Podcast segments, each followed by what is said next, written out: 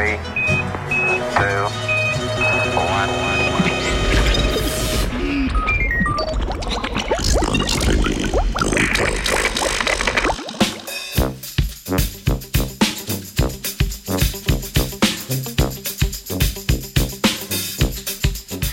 Ko mikroplastika postane hrana. Dobro.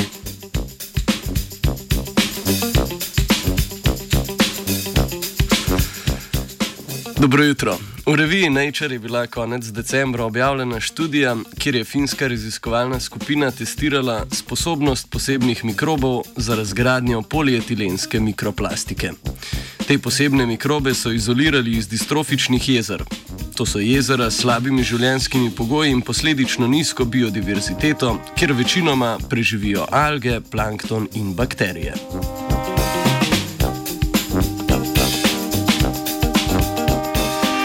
Povečanje količine mikroplastike v morskih in sladkovodnih sistemih je trenutno eden največjih okoljevarstvenih problemov. Ocenjujejo, da so za popolno razgradnjo plastike potrebna desetletja ali celo stoletja.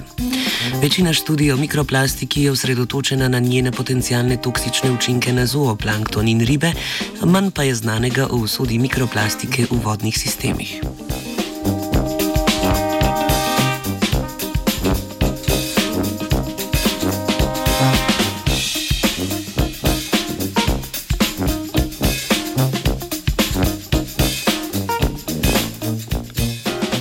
Raziskovalna skupina je testirala sposobnost mikrobiote distrofičnih jezer za razgradnjo sintetičnih plastičnih substratov.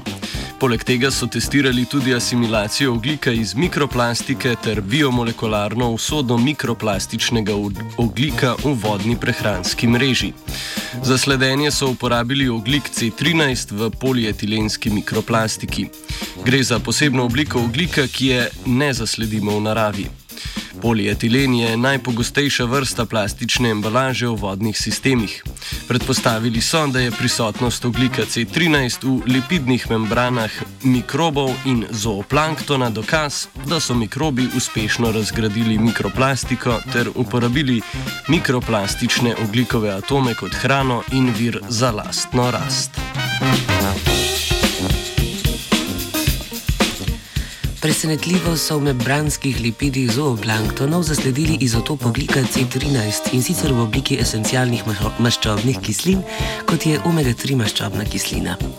Rezultat kaže na biorazgradnjo polietilena tudi v naravnih vodah, kjer lahko atomi plastike postanejo del prehransko pomembnih biomolekul vodnih organizmov.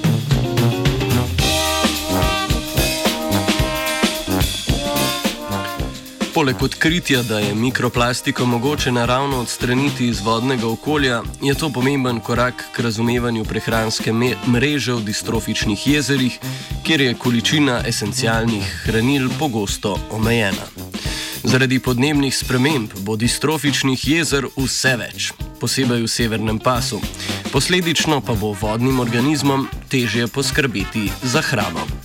Dejstvo, da je mikroplastika lahko vir za izgradnjo membranskih lipidov vodnih organizmov, daje novo možnost uporabe in razgradnje tega polimera ter potencijalne nove biotehnološke vidike.